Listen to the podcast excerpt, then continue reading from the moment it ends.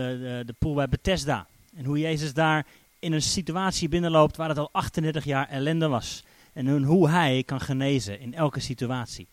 En het bouwt geloof in ons. En nou, dat is ook het toffe, vind ik, aan die schilderijen. Het, het, brandt iets in ons hoofd, in ons hart, waar we ons aan vast kunnen klampen. Het woord van God en een mooi beeld daarbij. Nou, ik hoop dat het jou ook leven geeft. Vandaag gaan we kijken naar deze. Laat maar zien. Even kijken hoor, ik weet niet of de lampen uit moeten of niet. Welke is dit ook alweer? Weten we toch wel, kom op. Rembrandt, tuurlijk, Rembrandt. En het verhaal van de verloren zoon. Geschilderd inderdaad door Rembrandt. Hij hangt in het Hermitage Sint-Petersburg, geschilderd 1668. We gaan zo wat meer details bekijken. Um, erg mooi, ook groot schilderij volgens mij. 2 meter 60 bij 2 meter. Levensgroot schilderij. Heel indrukwekkend. Nou, we gaan het verhaal lezen wat hierbij hoort. Dus als je je Bijbel bij je hebt, fantastisch. Als je hem niet bij je hebt, wij gelukkig wel. Lucas hoofdstuk 15. Verschijnt hier ook achter mij. Ik lees hem uit uh, die andere vertaling. Hoe heet die? De Bijbel in gewone taal. Dan snappen we allemaal.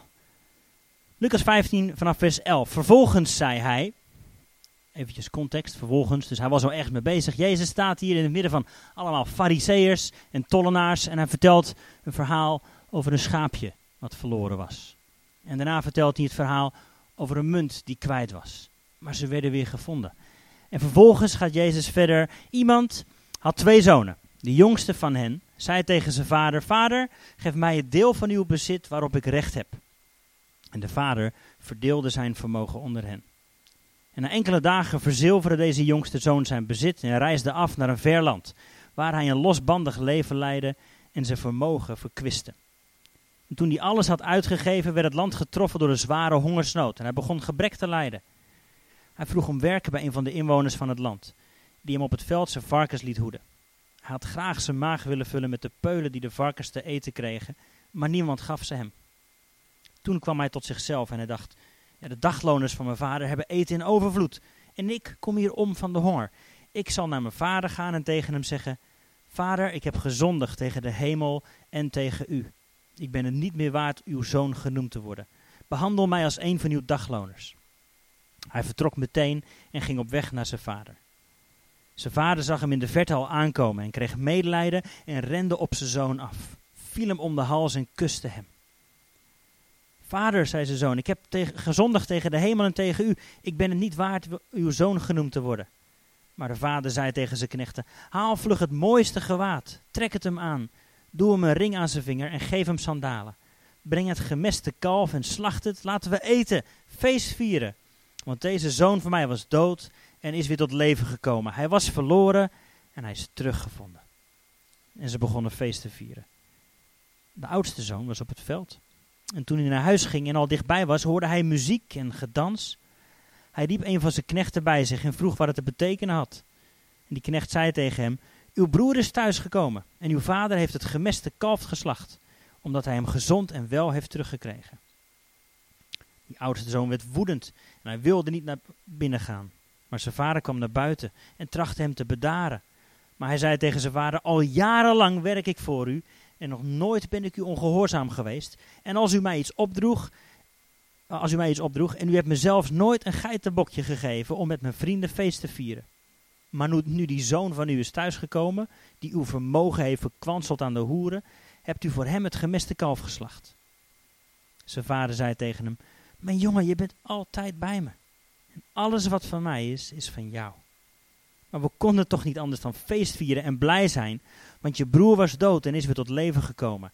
Hij was verloren en is teruggevonden. Even tot hier.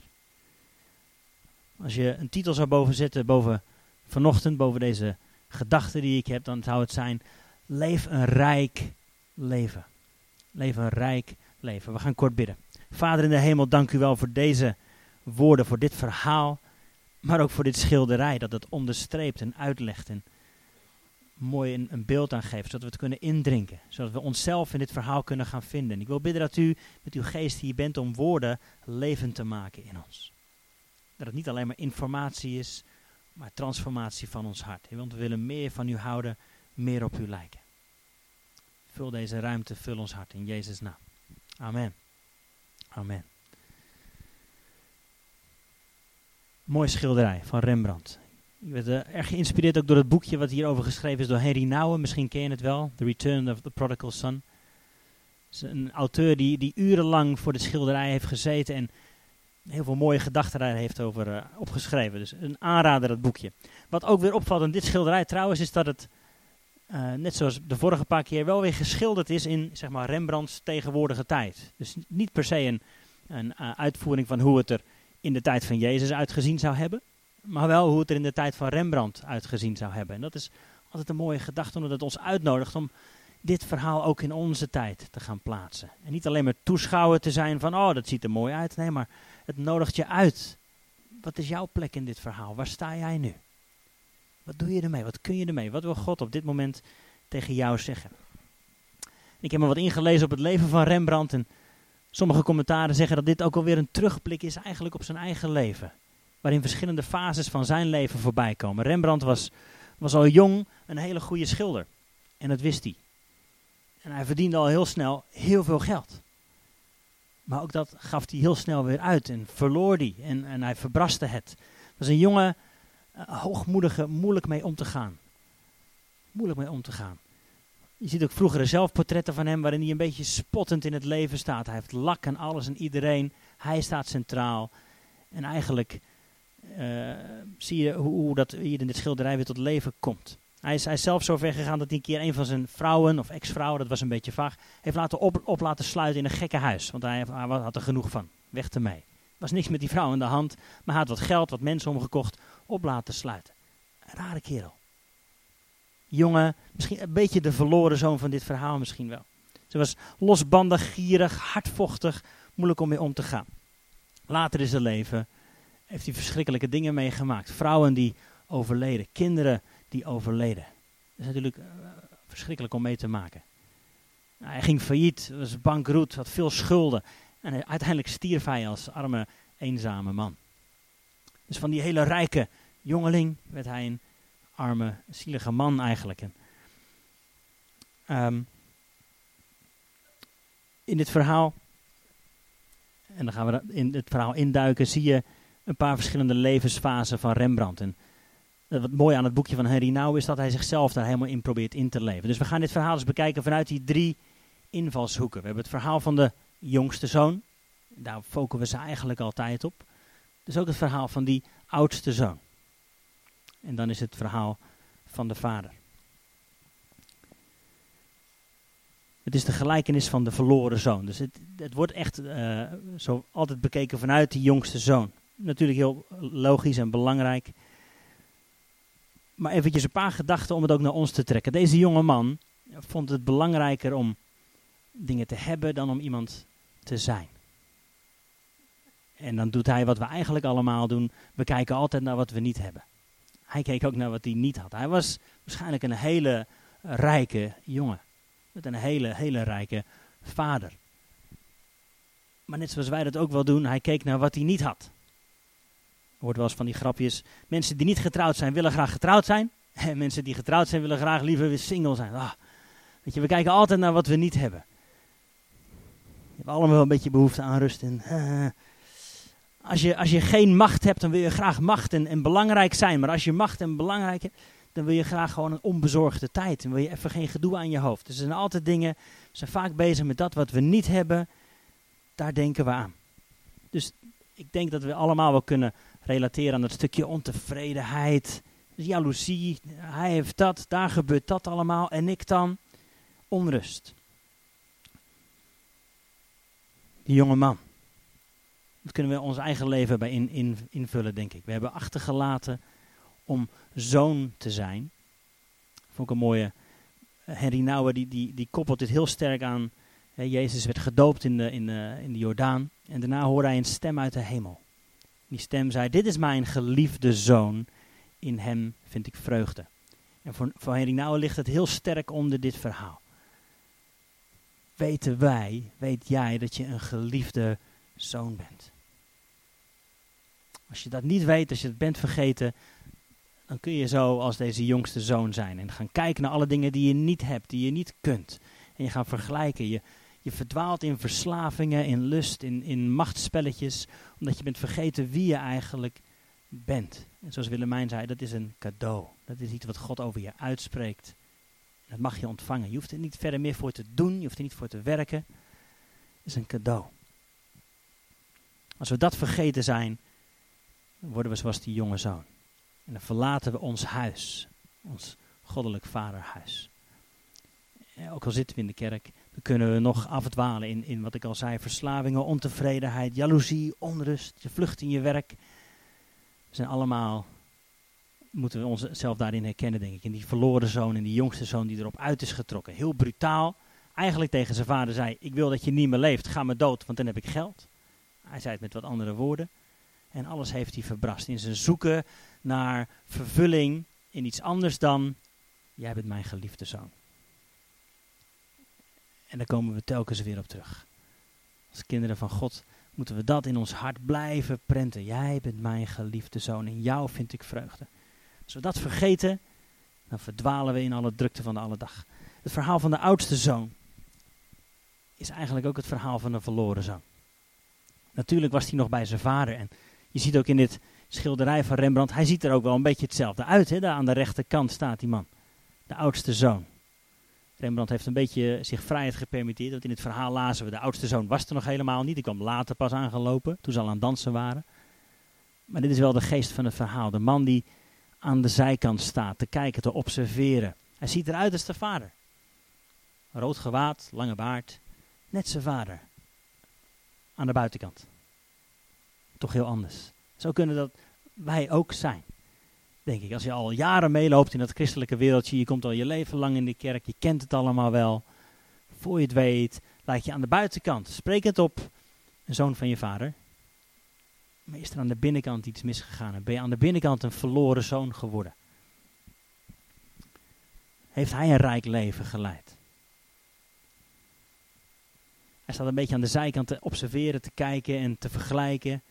En je kunt er bijna horen denken, mijn vader houdt meer van hem dan van mij. Hij gaat zichzelf ook vergelijken. Mijn vader houdt meer van hem dan van mij. Het mooie aan dit verhaal is, de vader, lezen we, gaat ook naar hem toe. Het feest was al aan de gang. Die zoon blijft buiten staan. Hij wil er niks mee te maken hebben. Hij heeft een hard hart. Want hij heeft het altijd goed gedaan heeft altijd gehoorzaam geweest. Alles gedaan wat, wat moest volgens de regeltjes. Maar ook hij was vergeten dat hij een geliefde zoon was. En dat zijn vader behagen in hem had, vreugde in hem had. En als je dat kwijt bent, kun je heel makkelijk jaloers worden. En, en, afgunstig worden. En vol veroordeling gaan kijken. Naar iemand anders die het veel slechter heeft gedaan dan jij. En ik zei al aan het begin, Jezus vertelt dit verhaal in het midden van deze uh, fariseeën. Van de mensen die eigenlijk hetzelfde zijn als deze oudste zoon. Ze hebben altijd gedaan wat goed is, wat in de boeken staat. Ze zien eruit als kinderen van Israël, maar in hun hart waren ook zij verloren zonen. Nog nooit gezondigd, maar houdt mijn vader echt wel van mij. Eh, misschien zit je hier wel zo, zoals die oudste zoon. En heb je het eigenlijk nooit zo bekeken, maar laat me je zeggen. Jij bent Gods geliefde kind. Hij vindt vreugde in jou. Alsjeblieft, probeer dat weer terug te pakken. Probeer het weer te omarmen, te ontvangen. Als je het niet doet, word je inderdaad heel snel uh, jaloers. Of kijk je vol afgunst naar anderen. Of ben je boos omdat die wel gezegend wordt en jij niet. En jij hebt nooit wat verkeerd gedaan, maar hij wel. Dan ben je de weg kwijt en ben je ook verloren. Maar gelukkig, de vader komt ook naar hem toe en probeert hem ook naar binnen te halen. En dan is er niks zo irritant als een open einde natuurlijk. Dat heb je vaak met films, heel vervelend. Gelukkig komt er dan een deel 2, dat is bij deze niet. We weten het niet. Hoe gaat die oudste zoon reageren? Stuurt heel duidelijk naar die keus. En dat wordt hier heel mooi afgebeeld. Want als je kijkt zo naar dit schilderij in het midden, is het eigenlijk leeg. Dat wat normaal gesproken eh, de, de, blikvanger is, het is eigenlijk een, een donker vlak. Natuurlijk zitten daar zo wel wat mensen afgebeeld maar die, die zijn meer observanten dan dat ze er echt deel van uitmaken. In het midden voel je die spanning tussen aan de ene kant de omarming, het thuiskomen en aan de andere kant, ik hoor er niet helemaal bij. Die spanning voel je als je het schilderij lang genoeg bekijkt. Dan denk je, ja, verloren zoon, kom op, oudste zoon, val ook neer. Omarm daar ergens met z'n allen een mooi groepshuk. Die spanning blijft er. Aan jou en mij de uitnodiging. Wil je ook neerknielen en weer horen, jij bent mijn geliefde zoon. En wat je allemaal doet, gaat het in wezen niet eens om. Alles wat ik heb, zegt de vader, is van jou. Niet omdat je fantastische dingen gedaan hebt, maar omdat je mijn zoon bent. Als laatste dan gaan we kijken naar de derde persoon, de vader. De vader gaat er op allebei de, op allebei de zonen komt hij op af. Hij reikt zich uit. Gaat erop uit. En een heel mooi stukje vond ik in het boek van Nouwen. En het, je kunt het misschien hier niet zo goed zien, is dat er twee verschillende handen zijn afgebeeld van die vader. Die daar zo gebogen, half gebogen om de zoon heen staat. Een mannenhand links en een vrouwenhand, zijn rechterhand. Zijn linkerhand stevig, gespierd en zijn rechterhand heel teder. Heel mooi beeld van hoe God is. Aan de ene kant die bevestiging van de sterke vaderhand. Jij bent mijn zoon. Je hoort erbij, je hoort er helemaal bij. Ik heb je weer de genade aangenomen. Aan de andere kant die, die vrouwenhand die teder is. Die weet dat hij pijn geleden heeft. En dat er gehuild mag worden. Voor beide is er ruimte. God is beide. God is beide. En wat je ziet is, er is geen veroordeling in, het, in, de, in de blik van deze vader. Natuurlijk is er, je ziet iets van verdriet, iets van pijn die hij ook heeft gevoeld. Want liefde is loslaten. Eh, dat ken je. We zijn, we zijn allemaal kinderen, maar misschien sommigen van ons hebben ook kinderen. En dan weet je, liefde is loslaten. Een heel mooi beeld ook van, van wat Jezus hier vertelt. Is dat God niet meer van de een of van de ander houdt omdat hij is weggerend of niet. Nee, nee. Liefde is loslaten. Je mag die keus maken om weg te gaan. Natuurlijk zul je dan wel de gevolgen daarvan ook ondervinden, maar je mag weggaan. Je zegt, God, ik heb genoeg gehad. Weet je, nog steeds is Gods liefde daar voor jou aanwezig, beschikbaar. Als je ervoor kiest om te zeggen, weet je wat, niet langer christen, bekijken we met z'n allen. Natuurlijk zul je dan pijn ervaren, maar gelukkig mag je weer terugkomen. Er is geen veroordeling in Gods hart. Dat zie je heel mooi in, dit, in de schilderij. Liefde is loslaten. En de vader vergelijkt ook niet. Hij gaat ook op die oudste zoon af. Maar er is een uitnodiging wel voor een feest. Eh, daar is een beetje een kronkel in ons hoofd wat feest en God niet altijd bij elkaar kan plaatsen. Het is toch iets met je mag niet en gij zult niet en je moet de juiste dingen doen en zo. Jezus vertelt hier als een God die aan het feesten is. Als een vader die muziek, eten, overvloed, een ring, dure dingen. God wil voor je zorgen. Hij wil daar voor je zijn. En dan een hele mooie gedachte is, natuurlijk herkennen we ons in, in, in die verloren zoon op tijden. Dat we weten, ja, ik was zondig, ik ben afgedwaald, maar er is een, een hart thuis waar ik weer mag komen. Soms zijn we als die oudste zoon, dat we voor veroordeling kijken naar de mensen buiten. Maar de uitnodiging, de oproep, de zachte aandrang is daar om, om te worden als die vader. Om te worden net als die vader. Natuurlijk beginnen we als, die, als het verloren kind, als die verloren zoon of de te verloren zoons. Maar de uitnodiging is daar om te worden als die barmhartige vader. Zegt Jezus verderop ook in, zijn, in, de, in de Bijbel. Wees, wees barmhartig, net zoals God barmhartig is. Word als deze vader. En dat zie je bij die oudste zoon. Hij lijkt wel op zijn vader. Hij heeft ook een baard en ook een mooie rode mantel. Dus hij lijkt als de vader, maar zijn hart is er niet in. Maar die uitnodiging is er wel. Ga lijken op God de Vader. Krijg ook een barmhartig hart. Mag jouw hart verbroken worden voor de dingen die Gods hart breken? Kunnen we huilen met de mensen die pijn hebben? Durven we dat nog te voelen? Of is het veiliger om te zeggen, je hebt hier de streep, je bent of binnen of buiten, of wij of zij, of hully of zully. De uitnodiging daar is om te worden als de Vader. In het Engels is het heel mooi. We, we become what we behold. We worden net zoals dat waar we onze ogen op richten. 2 Korinther 3 is dat. Als je gaat aanschouwen zoals God echt is, dan zul je steeds meer op hem gaan lijken. You become what you behold. Dus als je je ogen op hem gaat richten, zul je steeds meer op hem gaan lijken. Dat is wat we net ook zongen. God, I look to you and I will not be overwhelmed. Als je je ogen op hem gaat richten, dan vervagen alle dingen die je overkomen en alle situaties. Maar dan ga je je op hem richten en ga je steeds meer op hem lijken. Dus ik weet niet waar jij zit in dit schilderij. En dat zou mijn vraag zijn voor je. Wil je dit schilderij, dit verhaal, op die manier eens gaan bekijken in je eigen leven? Misschien ben je wel die verloren zoon die weg is gegaan, die af is gedwaald, die allemaal dingen heeft gedaan waarvan, waarvan we weten, doe nou niet. Weet dan dat de vader naar je toe komt en je wil omarmen. Met zijn sterke vaderhand, met, zijn, met haar liefhebbende moederhand. Misschien ben jij dat. Dan willen we daar graag voor je, voor je bidden. Neem daar tijd voor om dat goed te doorleven. Misschien ben je wel die oudste zoon en heb je het allemaal wel gezien. En ben je heel sterk bezig met wat goed is en wat recht is. Dat je weet dan dat je hart verzacht mag worden. En de uitnodiging is daar voor ons allemaal om te worden zoals die vader is. Barmhartig, met een zacht hart. We kunnen zien zoals God ziet met zijn ogen. Dat is de uitnodiging. Zullen we gaan staan, dan gaan we daar, als we het laatste lied gaan zingen, wat tijd voor nemen om, om dat tot ons door te laten dringen.